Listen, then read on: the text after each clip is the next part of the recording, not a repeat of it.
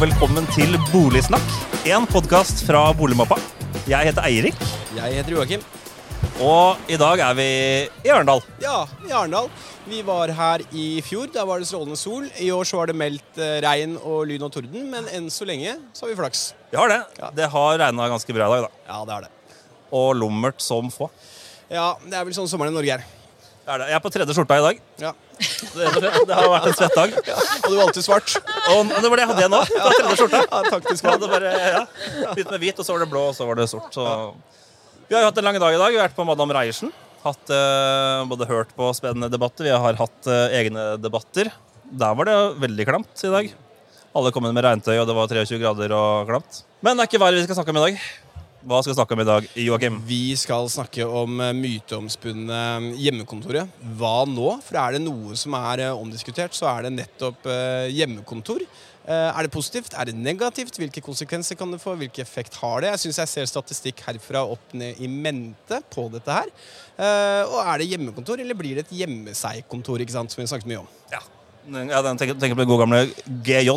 GJ-hjemmekontor. ikke sant? Jeg tror alle har kjent på at de har eh, levert dårlig på hjemmekontoret, men det gjør du på jobb òg, så det blir spennende å ta en prat med noen som er i litt større organisasjoner i dag enn vi i Boligmappa. Det er akkurat det. Og vi har jo veldig flott eh, besøk her på, i EFO-båten i Pollen. Vi har besøk fra Telenor. Cecilie Høek. Takk. Du er HR-direktør Ja, stemmer. For Telenor. For Telenor. Og vi har besøk fra Norsk Eiendom. Tone Tellevik Dahl. Ja. Du er administrerende direktør der. Velkommen. Tusen takk. Hvordan er det med dere? Er dere også klamme i dag? Absolutt. Absolutt. Og det var litt sånn tung tur inn til byen fra parkeringsplass utenfor når det er eh, 25 minutter og mye regnskurer. Ja. Jeg kom fra et, eh, fra et uh, lokale hvor det ikke gikk an å åpne vinduene. Så jeg var glad det ikke var CO2-avgift uh, der.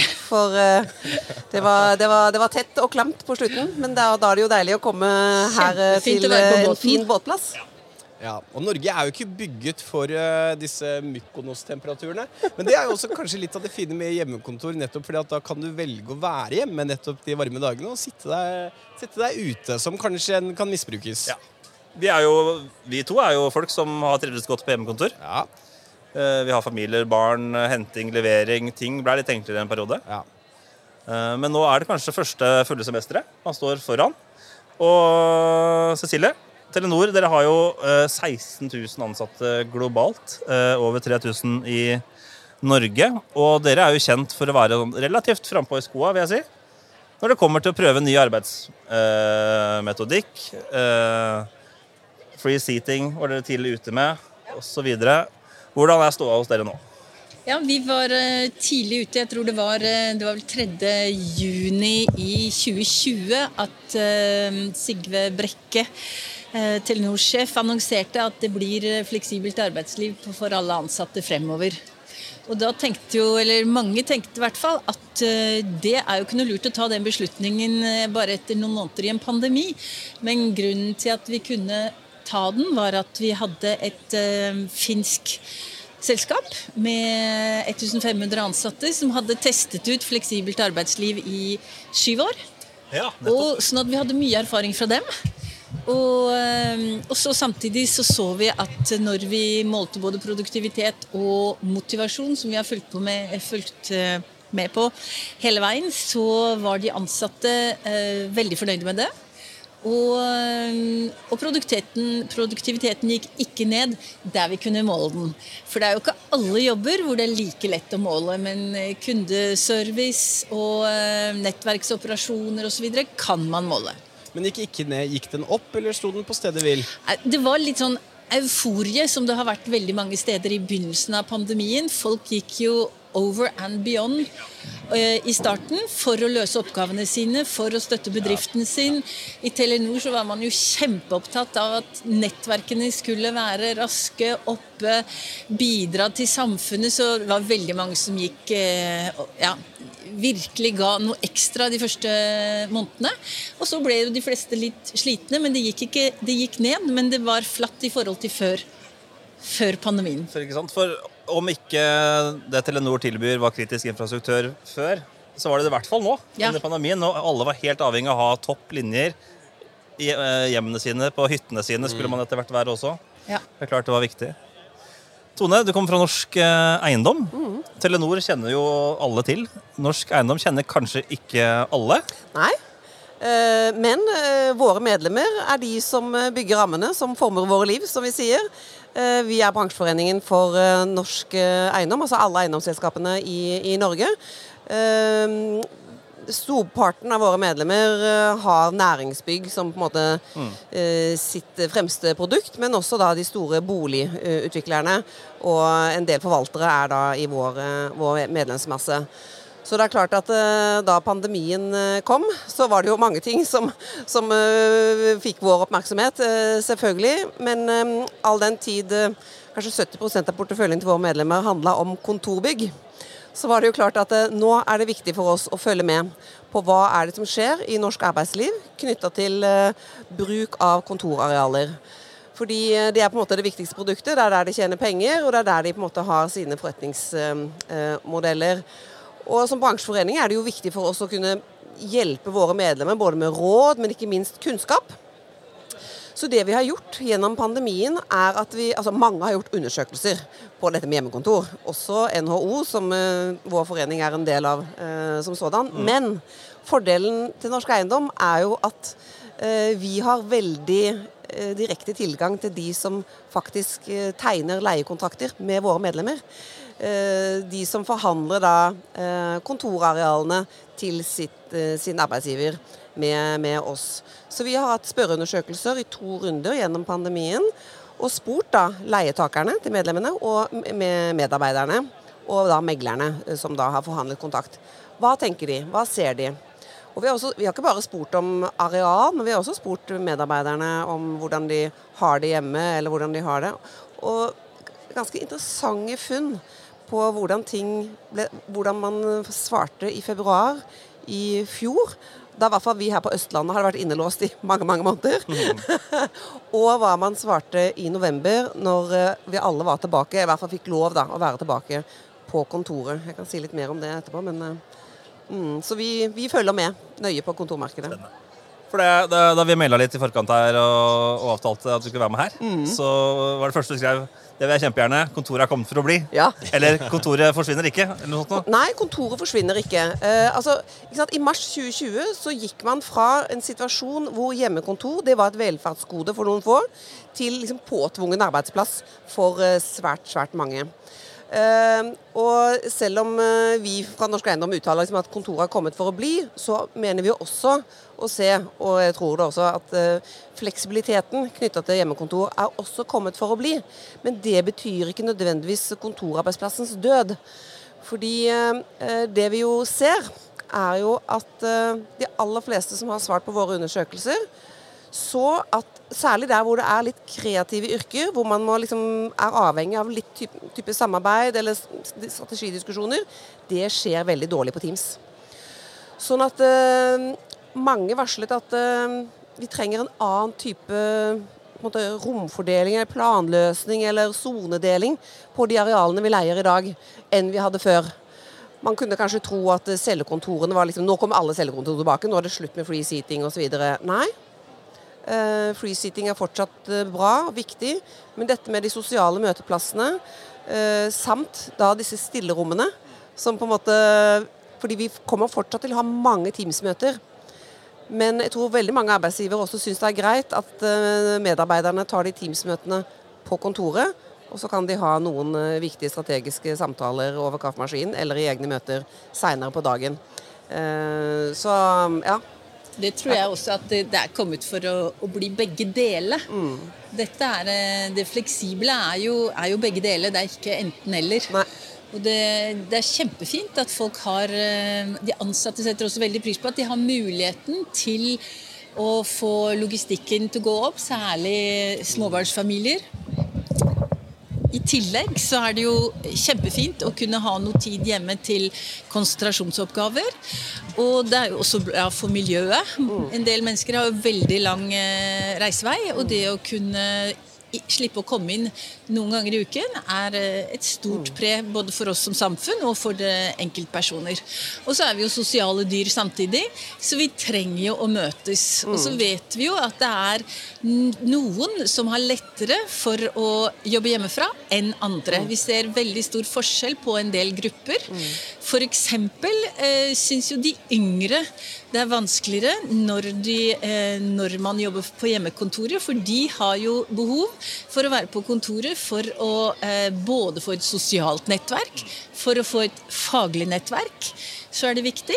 Og for å få hjelp til å løse oppgaver, vanskelige oppgaver spesielt, hvor du gjerne vil stikke innom en kollega og få spurt om noe, og så vil du jobbe litt videre, og så vil du gå til en annen kollega kanskje. Der er det også s- veldig viktig. Og det er viktig også sånn eh, generelt for unge og nyansatte å bli sett. Og også at de ser hvordan er egentlig ting gjøres her. For kultur er jo veldig mye eh, hvordan ting skjer. Hvordan løser vi oppgaver? Hva skjer her?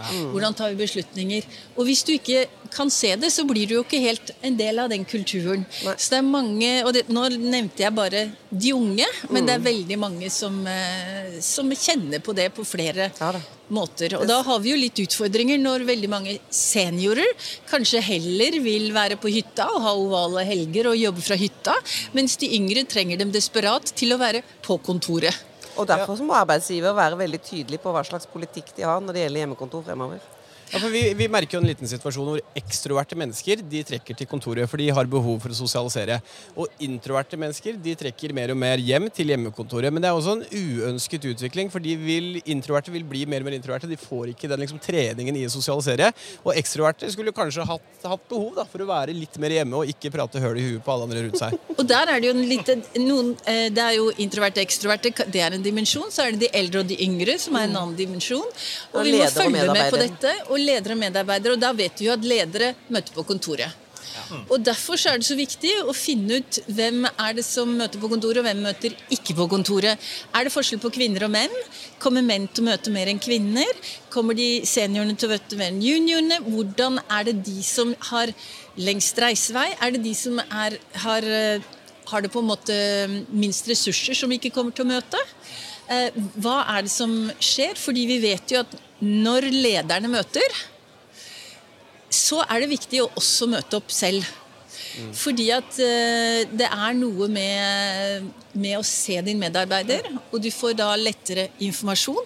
Og det kan også ha karrieremessige konsekvenser. Så som arbeidsgiver så passer vi litt på å følge med på hvem er det som møter opp.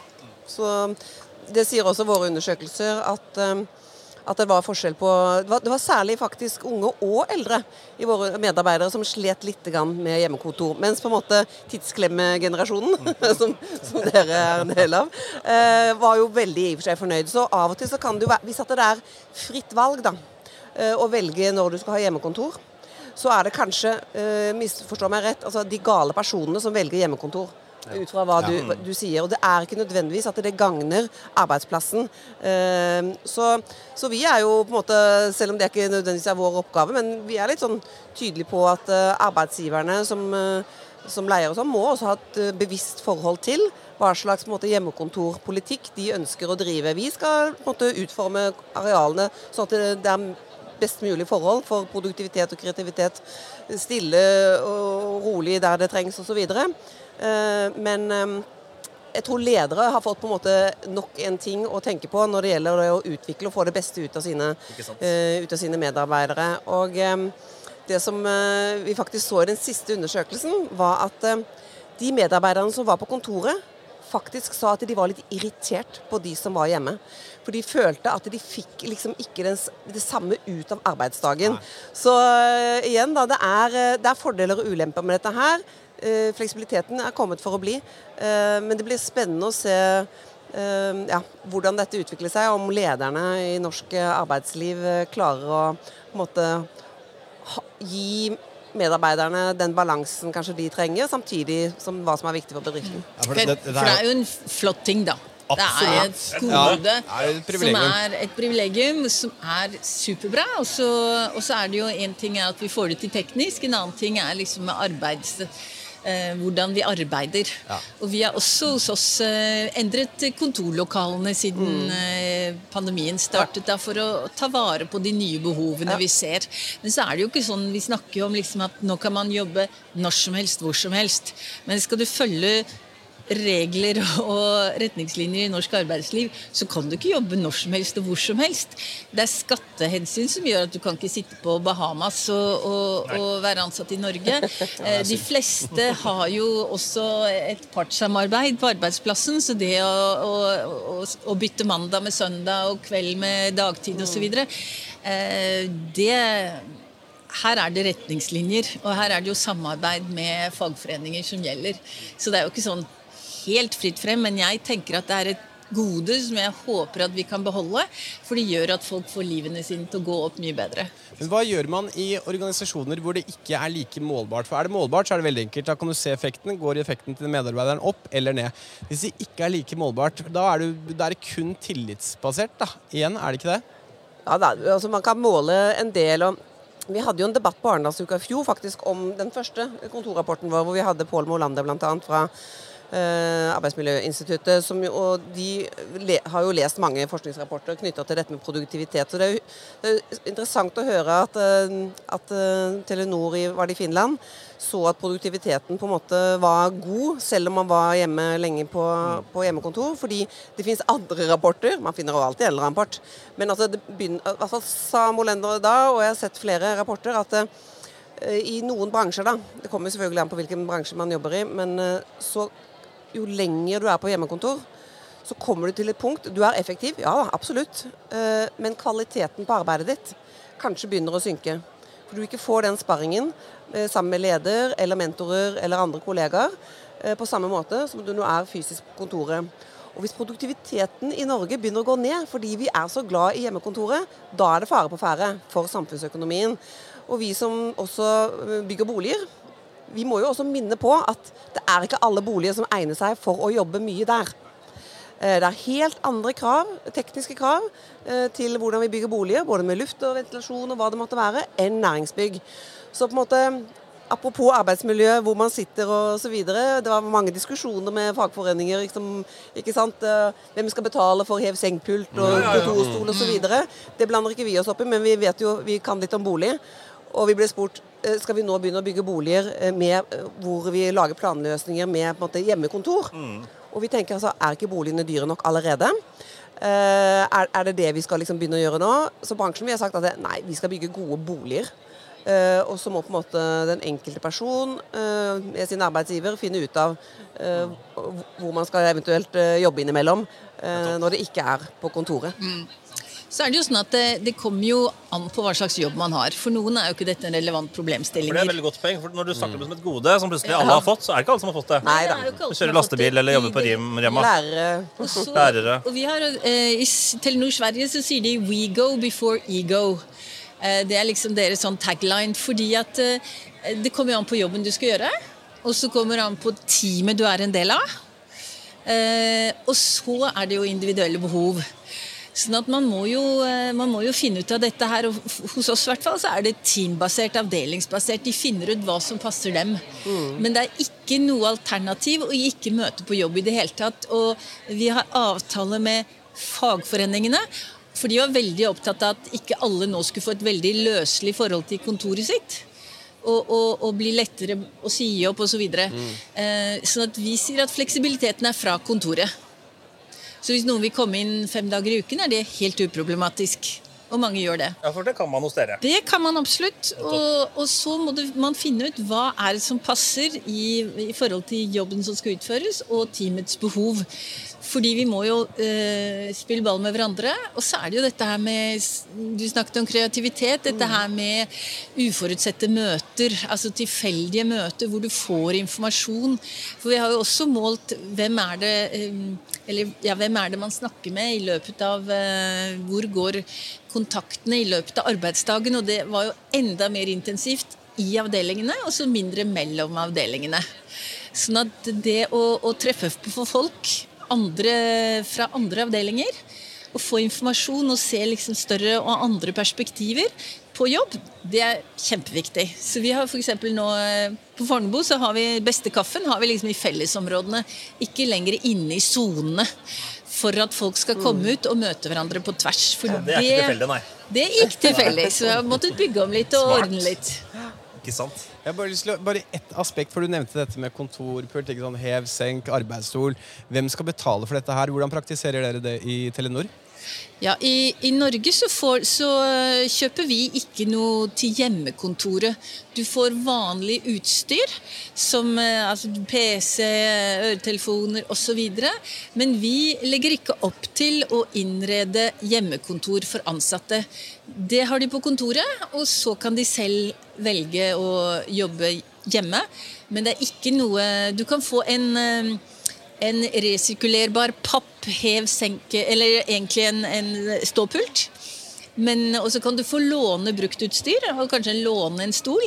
Men vi ønsker ikke også i et miljøperspektiv å kjøpe inn dobbelt for alle ansatte. Det ønsker vi ikke. Det er jo de For da kan du begynne å snakke om hva med hytta. Ja. Ja, Ikke sant? Da, det, Dette går ikke. De færreste bedriftene vil jo ha råd til å ha doble sett med kontorutstyr. Ja. Altså Det er på marginene.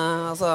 Ja, for det er jo ganske dyre ting man ofte kjøper nå. Med disse Ja, ja, ja. og det er ikke noe Men Tone, uh, dette blir anekdotisk, men vi, eh, vårt selskap som vi jobber i, Boligmappa, her er det et annet selskap som igjen uh, har blitt kjøpt opp og slått seg sammen. Uh, en gjeng satt på Lysaker, 50-60-70 mann der. Uh, vi var 50-60-70 eh, i Vika i Oslo. Eh, og de velger jo nå da å droppe det ene kontoret. Er dette en trend dere ser? At uh, da, altså, Reduksjon av eh, kontorlokaler, rett og slett? det, det, det var voldsomt uh, offensivt. For det er klart, altså, um, antall kvadratmeter per kontormedarbeider har jo gått sakte, men sikkert nedover. Altså, man har arealeffektivisert uh, de siste årene. Men eh, også det vi var spent på, var jo om pandemien ville liksom sette en sånn skikkelig rakett i, i rumpa på, på den, mm. på den eh, trenden. Eh, men undersøkelsen vår viser faktisk at det er nei. Altså, Det naturlige fallet er der fortsatt, men det har ikke liksom akselerert. Et annet tall, da, slengetall i lufta her fra undersøkelsen vår, var at ca. 26% av lederne svarte i februar i fjor at de så for seg å redusere antall kvadratmeter. Den andelen var redusert til 16% når vi tok den undersøkelsen i november. Fordi de så at de trengte arealene, disse sosiale sonene, på arbeidsplassen. Så det var på en måte eh, Kontoret var fortsatt bra, kontorarealene. Kanskje litt mindre, men altså færre så at eh, de skulle liksom ta, dra i den voldsomme spakken som åpenbart eh, deres eh, arbeidsgiver har, har gjort. Um, og det som også var interessant i fjor, da, var jo at rett før pandemien så hadde jo også Statsbygg uttalt at de skulle redusere antall kvadratmeter per kontormedarbeider ganske drastisk. Fra liksom 27 til eh, ja, kanskje 20 under det. Eh, men i fjor eh, så var jeg da i denne debatten om kontorarealene med, med, med Harald Nikolaisen, og da sa han at nå, de liksom, nå var de litt i tenkeboksen. Og det er klart det vi prøver å si, og det handler ikke om at vi skal liksom beskytte våre, våre medlemmers produkter, men hva er, aller, hva er den aller viktigste ressursen i enhver bedrift som, som koster deg mest penger? Det er jo folka. Det er jo ikke husleia. Husleia er eh, i de aller fleste kontorselskaper som har kontor, sånn rundt 3% av utgiftene. Men du må passe på at folka som jobber der, de leverer 100 Hvis deres måte, prestasjoner svekkes Du taper jo mye mer som bedrift enn om du kutter eh, 10-20-100 kvadratmeter. Så på en måte, ja, eh, litt ikke helt eh, objektiv, men allikevel eh, viktig å tenke på da, eh, disse forholdstallene. Så nei, vi har ikke sett at det har vært en trend som du, dere har opplevd. Men så er vi jo i en, ja, vi er jo i en eksperimenteringsfase. Ja vi har jo ikke fasiten her heller, så jeg ville jo vært veldig forsiktig med å gjøre, ta noe så drastisk grep. Ja. Fordi at vi nå, vi, nå prøver vi ut. Vi har ikke gjort Mm. dette her før i, i det omfanget vi nå ser. Sånn at, også, Jeg er i hvert fall veldig opptatt av at det skal være fleksibelt. Dvs. Si at hvis det skjer endringer med jobben i avdelingen, med hvis du plutselig får inn tre nye ansatte, eh, da må kanskje hele gjengen møte uh, mye oftere på kontoret en periode. Sånn at vi er liksom ikke Vi er jo ikke statiske. Vi burde i hvert fall ikke være det. Så En annen ting vi eksperimenterer litt med, det er dette her med lesesaler Ja. på Ja. jobb. Og det er en helt det annen eh, ting. Og det er eh, fordi at eh, også i, i store også når det er store landskap, så blir det jo ofte støy, og man greier ikke å konsentrere seg. Men det å ha lesesaler det er liksom noe nytt som vi nå tester ut. Og det er veldig spennende å teste ut litt nye ting i forhold til, eh, i forhold til eh, hva vi skal gjøre på jobb. Hvilke arbeidsoppgaver er det vi skal gjøre på jobb. Og det er jo den diskusjonen også våre medlemmer har med sine leietakere. Hvordan skal vi programmere eh, denne etasjen som dere leier? Hva, hvor skal det være stillesoner? Hvordan skal de i så fall utformes? Er det lesesal, eller er det sånne, sånne telefonkiosker? Ja, sånne- ja. sånne, sånne. Teams-rom som jeg er blitt føler er litt sånn, de er blitt Ja. veldig sånn populære. vakuum inni. Ja, litt eh, klaustrofobiske også, men eh, i hvert fall de kommer med ventilasjon. Ja, ja, ja. Ja, man ser jo nå at nå er mange av de små møteroppene er jo blir jo tatt av folk som bare kan sitte og jobbe. Ja. Selv om de ikke skal ha møter, så orker de ikke den kaklinga hele tida. Men, men møterom er litt interessant, for det merket vi. Vi var akkurat samme gjeng før pandemi. Hadde si ti møterom. Det var relativt greit ledig. Så har vi akkurat samme gjeng etter pandemien, før vi nå har slått sammen. Da. Og de møterommene er alltid booka, fordi nå skal man på død liv alltid Ja. sitte i møter når man er på jobb. Fordi jobbe, det gjør du hjemme, liksom. Det er sant. Er det en endring man ser òg? Ah, ja, det er kanskje Og det er, en, det er en kjempeutfordring i mange enheter. Ja. Akkurat det du, du peker på der. Ja. Og da er det jo også noen, eh, noen vurderinger som bør gjøres i forhold til hvor mange møter trenger vi. Ja. Kan vi endre på den intense møtekulturen vi har? Kan vi jobbe på en annen måte? For det har jo vært sånn at folk har sittet i back-to-back møter hele dagen. Og så skal de liksom Når skal de gjøre resten av arbeidet? Oppfølgingen, forberedelsene osv. Så, videre. så det har jo vært noen utfordringer der som vi har sett under pandemien, som vi nå tar tak i. Ikke sant? Ja, jeg hører jo at lederen har fått noen nye utfordringer i denne liksom post-pandemi. Det er en litt Ja. ny arbeidshverdag å ta tak i. Ja, så vi har eh, innført det I Telenor så har vi innført det som heter tight, loose, tight, som ikke vi har funnet opp, men som er basert i, i forskning. Og det betyr at du skal først så skal du være tett på. Og eh, sammen med ansatte definere målene for og ambisjonene for enheten. Og så har du da loose, og det vil si å gi eh, tillit til medarbeiderne. Gi dem eh, muligheten til å finne ut hvordan de skal løse arbeidsoppgavene selv, mens du selv som leder er der og, og støtter og tar vekk hindringer.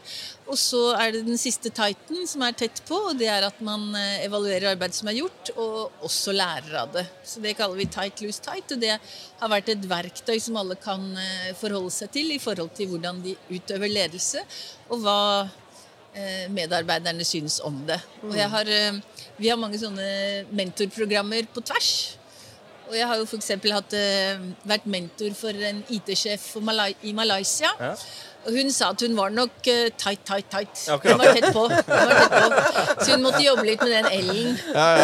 I andre ganger så er det noen som er tett på først, og så er de lus, og så får de aldri fulgt opp etterpå.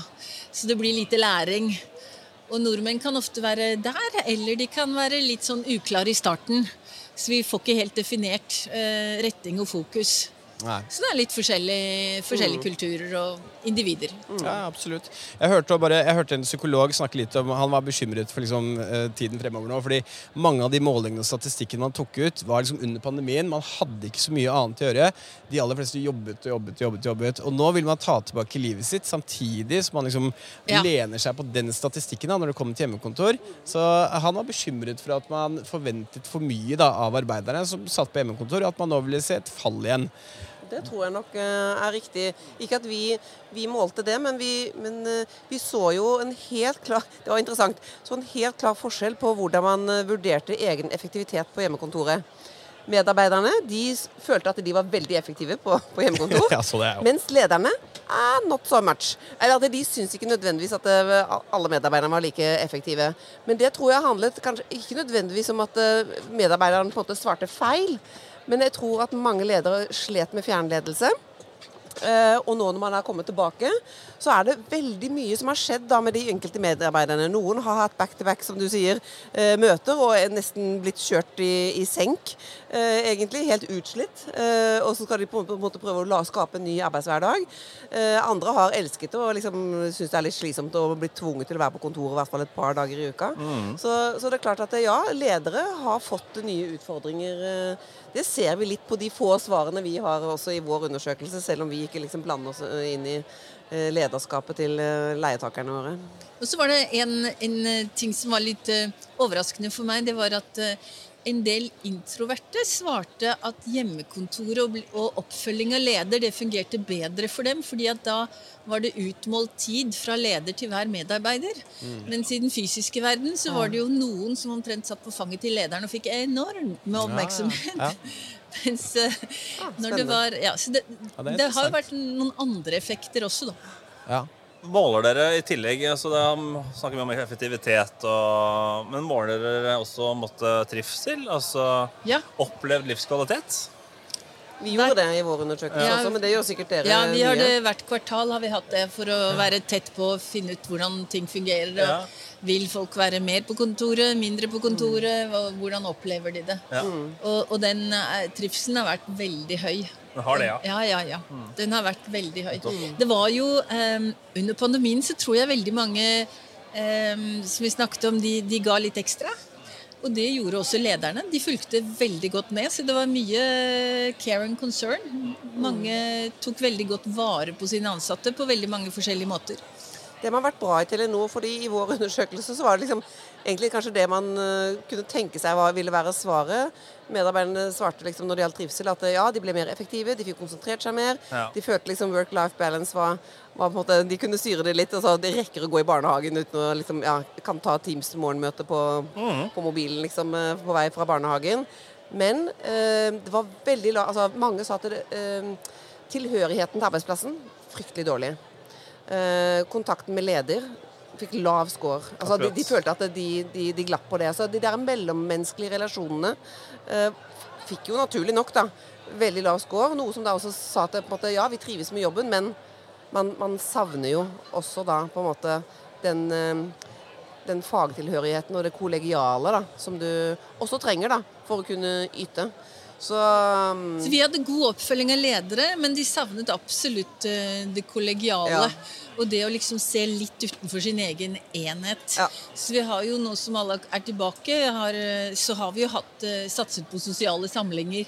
Vi har nettopp hatt Telenor-festivalen, hvor alle kollegaene var uh, invitert til en festival en hel dag. og og med mye sosialt, men også at alle fikk vist frem det de faktisk arbeider med. Sånn at vi, de fikk sett mye mer av hva vi leverer, hva vi gjør.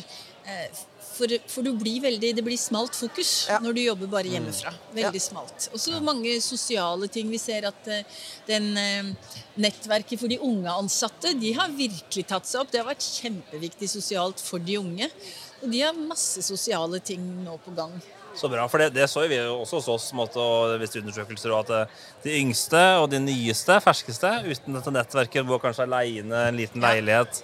Det var litt mer trasigere liv, altså. Ja. Eh, Ja, og så synes jeg når det verste var fordi når du møttes Når du hadde disse digitale treffene, så satt du ofte og pratet om ting som hadde skjedd før, som da de nye ikke hadde mulighet til å oppleve, for de fikk aldri vært med på dette her. Og du ble så automatisk ekskludert uten å liksom få mulighet til å komme inn i gjengen. Ja. Uh, og det merker jeg jo fortsatt litt med den hjemmekontorhybriden i dag. At det er, uh, at det er, en, liksom, det er større skille mellom hva skal jeg si, de som er mye på kontoret, og de som er eh, Det, det skaper større skille, i hvert fall hos oss, og de som er på kontoret. Ja. Klart. Ja, det er en fare. Altså, igjen da, Arbeidsplassene er litt ulike, så jeg tenker at man må, man må bare være oppmerksom eh, på om man vil liksom ha fri flyt. Og, og gi så mye friflyt at eh, kanskje medarbeidere føler seg litt sånn tvunget til å i hvert fall ha to dager hjemme. Ja, for Apropos det, er det noe, sier fakta eller tall noe som helst? Hva er liksom den optimale løsningen så langt? da? Jo Million dollar question. Ja, Det, det det, er sikkert noen som forsker på, håper jeg. Eh, Jeg kan bare si hva, hva, hva vår undersøkelse sier på hva man ser for seg da, fremover. Og det er vel at man, man har gått fra at noen få har kanskje hatt én til to dager hjemme, til at det er kanskje to dager i snitt, da kanskje. Eh, Men ikke nødvendigvis hele dager. Det kan jo være at det liksom eh, Selv jeg, da, i vår lille forening, ikke mange ansatte, så kan en medarbeider si jeg har bare Teams-møter fram til klokka tolv. Er det greit at jeg liksom kommer etter lunsj? Ja. Ja. Ikke sant? Eh, Så det er jo også den type fleksibilitet som jeg tror Den benytter kommer, jeg meg av. Ja. Slippe køen på E18 innover mot byen på mandag morgen, det er, eh, det er et pluss. Og så komme inn da på få minutter noen timer senere. Eller grytidlig møte med Asia. Da er det veldig godt å ta med kaffekoppen og gå fra kjøkkenet bare inn på kontoret og ta de hjemme. Ja. Det er stort gode, og det er jo kanskje den fleksibiliteten og den fremste gevinsten da, for de fleste av oss. Ja. Som har vært litt pendlevei og det hele tatt. Ja, eller barn som skal hentes, eller man har lyst til å dra på hytta en gang. Ja. Tre, fysisk trening, ikke sant? Det er mange som tar en liten økt i stua. Du gjør jo ikke det på kontoret og bare legger deg ned og tar burpees. Så Nei, nei. Du, får, du har mer muligheter hjemme. da. Det er.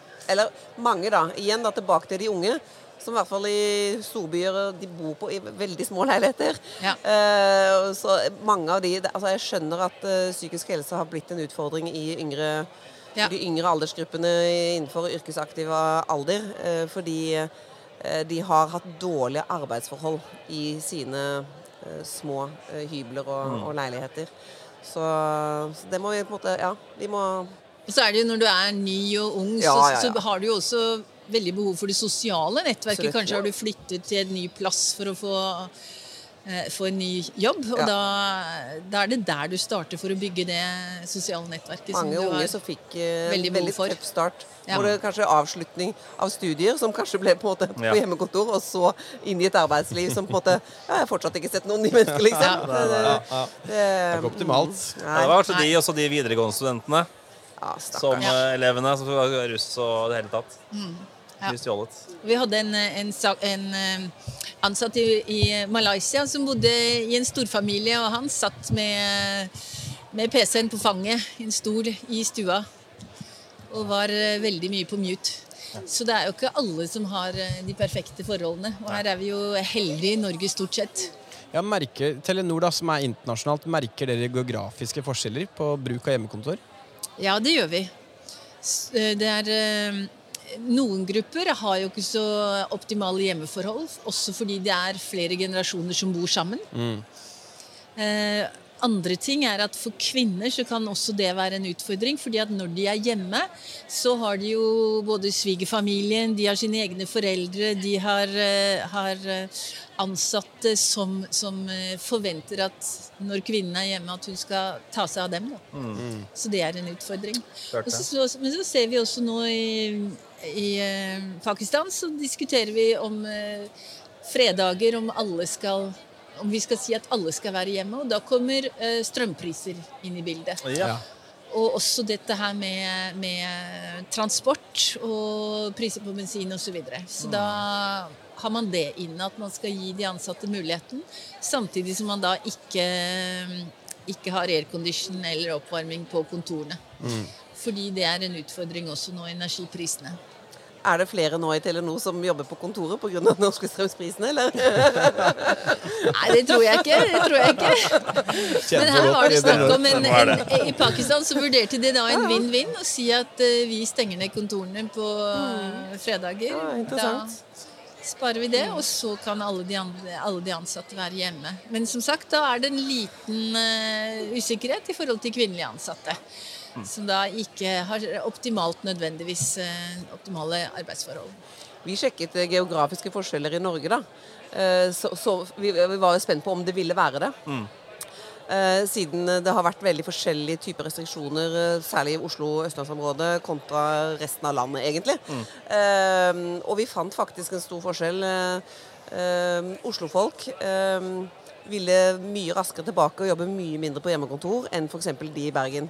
Det tror jeg handla litt om at når undersøkelsen gikk, så var vi altså så drittlei av å være påtvunget hjemmekontor at det på en måte fikk utslag i undersøkelsen, mens de i Bergen, som jo stort sett var innom kontoret når de ville Ja. ja, ja, Nei, vi ser for oss to til tre dager på hjemmekontor, og i Oslo var det sånn én til to. Eh, så det er litt sånn Er det påtvunget ikke? Så det er, det er litt sånn Hva slags situasjon er det du svarer eh, i, da, er i når du svarer på disse undersøkelsene? Ja, Da? ja, ja. Spennende. Ja. Men vi har ikke noe sånn at du må. Nei, nei, nei. I- Men det var jo det, ikke sant? Så da, Mhm, ja. For noen har jo også fra at det er alle enheter skal ha det samme mønsteret. Og det tror jeg jo er feil når det er forskjellige jobber, forskjellige team, forskjellige behov. Eh, forskjellig sammensatte team aldersmessig osv. Så, videre, så så eh, ser jeg ikke at det er hensiktsmessig. Dette har vært veldig hyggelig. Sitte her i pollen, se folk gå forbi.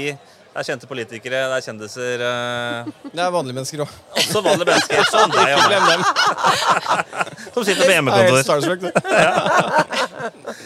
Helt til, til slutt, Cecilie og Tone. Uh, Cecilie først. Hvor, hvordan tror du vi jobber om to-tre år, når dette her er liksom Vi har, glemt litt korona. Vi går nå inn i første perioden på en måte, som er full termin, som er på en måte normal. Hvor tror du vi er om et par år? Jeg tror vi fortsatt ha fleksibilitet, men jeg tror den kanskje er litt annerledes enn den vi har i dag. For da har vi lært mye mer. Og så også har vi laget andre prosesser og har kanskje annen teknologi. Så jeg tror det jo utvikler seg hele tiden. Jeg tror ikke det blir som i dag. Men jeg tror vi har den fleksibiliteten. Den er kommet for å bli. Kan jeg bare ha ett oppfølgingsspørsmål til det? Tror du arbeidsplasser med, som ikke har den fleksibiliteten, vil bli mindre attraktive? Ja, det tror jeg. Og det ser vi også i dag. Det er faktisk det er folk som, som står med to jobbtilbud, og så vet de at Telenor har på en måte gått så sterkt ut og sagt at dette tror vi på, at de eh, signerer arbeidskontrakt med oss. Det er, det er et element som, som spiller inn helt på slutten. Tone, hva tenker du? Et par år? Jo, eh, jo, jeg tror nok eh, det. Vi, vi, vil nok, eh, vi vil jo uansett reise mindre. Så er det jo spørsmål da hvordan er det vi tar møter og samtaler. Men vi får ikke endret menneskets på en måte, sosiale behov. Det ligger på en måte i til vår art. Så vi, vi trenger å treffes. eh, Og vi skal i hvert fall gjøre vårt beste for at eh, kontoret vil være et godt sted å komme når man eh, skal jobbe og utvikle eh, de ulike arbeidsplassene i Norge. Veldig bra. Cecilie Høek fra Telenor, Tone Tellevik Dahl fra Norsk Eiendom. Jeg heter Eirik, Joakim? Og vi ønsker hverandre fortsatt god ettermiddag og god kveld her i Arendal. Ha det bra. Ha det bra.